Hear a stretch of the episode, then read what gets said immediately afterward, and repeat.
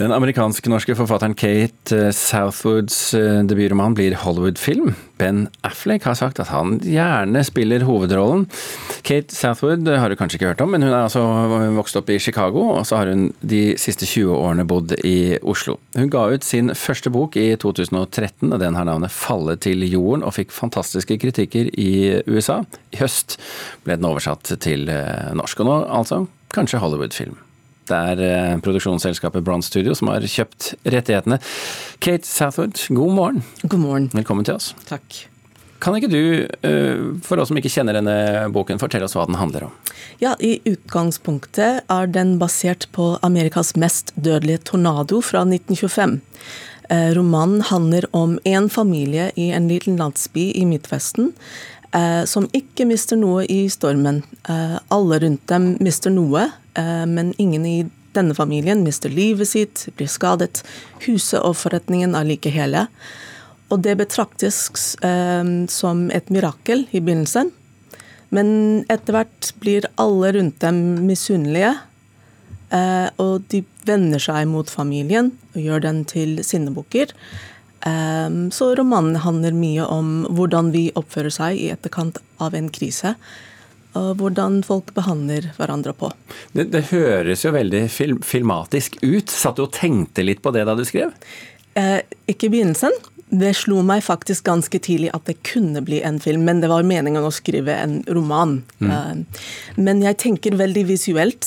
Det er mange lesere som har fortalt meg at jeg har gjort det gjort det enkelt for dem å se hva som skjer i romanen. Um, så jeg og når jeg skriver, må jeg se noe før jeg skriver det. Så man kan si at jeg har allerede sett filmen i hodet mitt. Eh, det er kanskje derfor at det, det kan bli en film. Mm. Fordi jeg tenker visuelt og skriver på den måten. Og Jeg nevnte jo at det var Bronze Studios eh, som eh, har fått napp på den her. og Det er jo ikke sånn som vi kjenner disse store studioene i Hollywood, men dette er altså eh, selskapet bak Joker. Det er det. Som da cashet inn minst én Oscar-pris. Det var Joaquin Phoenix som fikk det. Hvilket potensial har denne boken? Har du snakket med dem om det? Uh, litt. Jeg er i kontakt med uh, en av produsentene. Um, Bron Studios uh, står også bak den nye filmen til Ben Affleck som kommer ut snart, 'The Way Back'. Så de har åpenbart tro på ham, og det er jo et godt tegn. Mm. Um, men det er, det er, mye som skal til for å skape en hel film. Jeg blir veldig nysgjerrig på hvem som skal spille de kvinnelige rollene, f.eks. For fordi? Eh, jo, fordi det er, det er, to solide kvinneroller. Og i tillegg til eh, den mannlige hovedrollen, som skal spilles av Ben Affleck, blir det veldig spennende å se hva som skjer.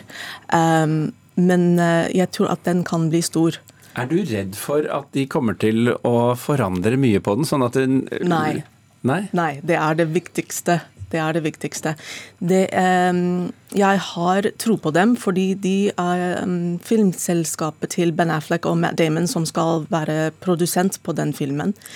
Uh, de står bak uh, Manchester by the Sea, ah. som var en Oscar-belønt tragedie. Ja. Så jeg vet at de ikke er redd for at um, ja, uh, en, en, sånn bok uh, med, som, er, som, er, ganske trist, egentlig. Ja. Uh, så jeg stoler på dem. Ja. Det er godt å høre. Kate, Kate Southwood, takk for at du var med oss her i, i Nyhetsmorgen. Matata. What a wonderful phrase. Hakuna Matata. Ain't no passing craze. It means no worries.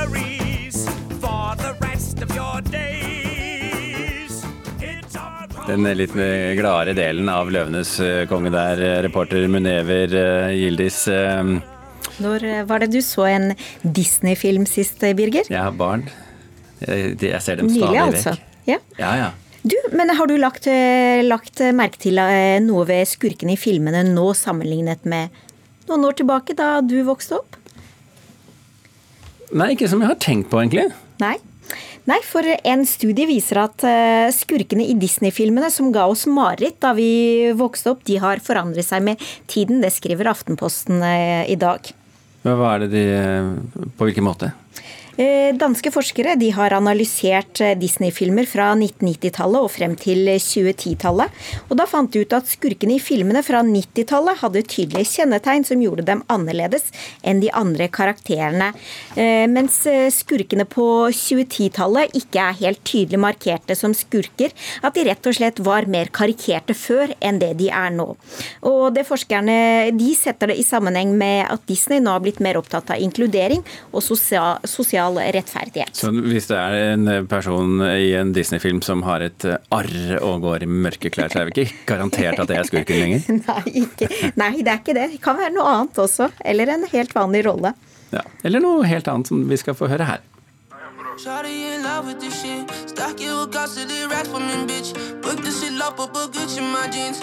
Løper 130 liv, bitch, for my dogs and this shit. Ja, hallo. Salig blanding av, uh, salig blanding av uh, stavangerdialekt og engelsk, og dette er Isa. Det er Isa, 20 år gammel, fra Stavanger.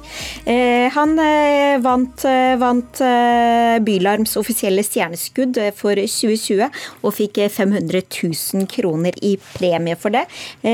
og det er den låta som har gitt han 17 millioner avspillinger på Spotify.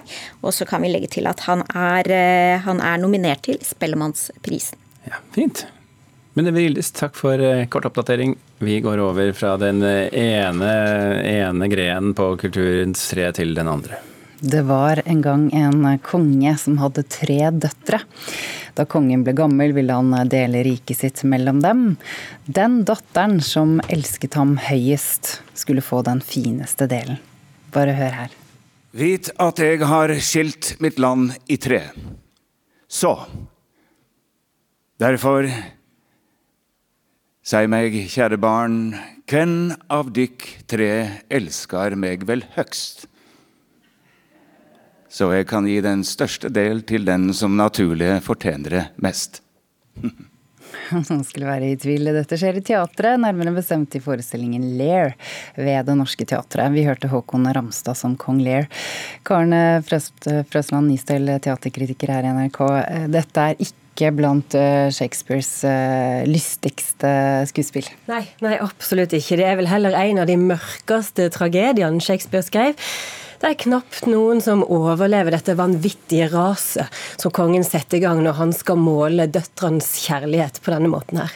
Det det handler om, skuespillet, er denne delinga her. Kongen vil jo sikre sin alderdom de siste årene av livet for han skal være god. To av døtrene erklærer sin kjærlighet til han, den tredje sier jeg kan ikke love deg førsteplassen i livet mitt. Og kongen blir rasende, viser hun bort, og der sparkes tragedien i gang. Så det handler om alderdom. Eh, og disse to døtrene som tar imot han, som får land, sant? de syns etter hvert det blir ganske lite lukrativt å ha en gammel konge med 100 mann boende hos seg. Han blir tussete, han blir krevende. Så han blir ganske dyr i drift òg. Så da da er det liksom tragedien et faktum. Da. Dette er satt opp en del ganger eh, rundt omkring i verden, og også her i landet. Hva er det som utmerker seg med denne oppsetningen? Ja, Det er flere ting. Det ene er at uh, Tartu Hemmeleinen, som har bearbeida dette for scenen og har regi, har gjort som Shakespeare sjøl gjorde òg, tatt inn andre tekster fra, fra, vår egen tid, så å si, i dette. Der er 'Ringenes herre' er med, der er utdrag av Marguerite Duras, og der er utdrag av Harold Pinter, blant annet så er det en scene midt i som tematiserer alderdom på en helt annen måte enn jeg har sett i teatret noen gang før. Det er en slags performance en scene i scenen, eller scene i skuespillet, midt i der eh, Jeg kan nesten ikke avsløre hva som skjer, men det er det mest absurde og lattervekkende og rørende øyeblikkene jeg har sett i norsk teater på kjempelenge. Og det er en veldig kraftfull tematisering av alderdom òg. Og så har vi en musiker på scenen. Eh, Heida Karin Johannesdottir spiller Ingvild Langgaard sin musikk på tuba, og det er òg med på å understreke tragedien i dette.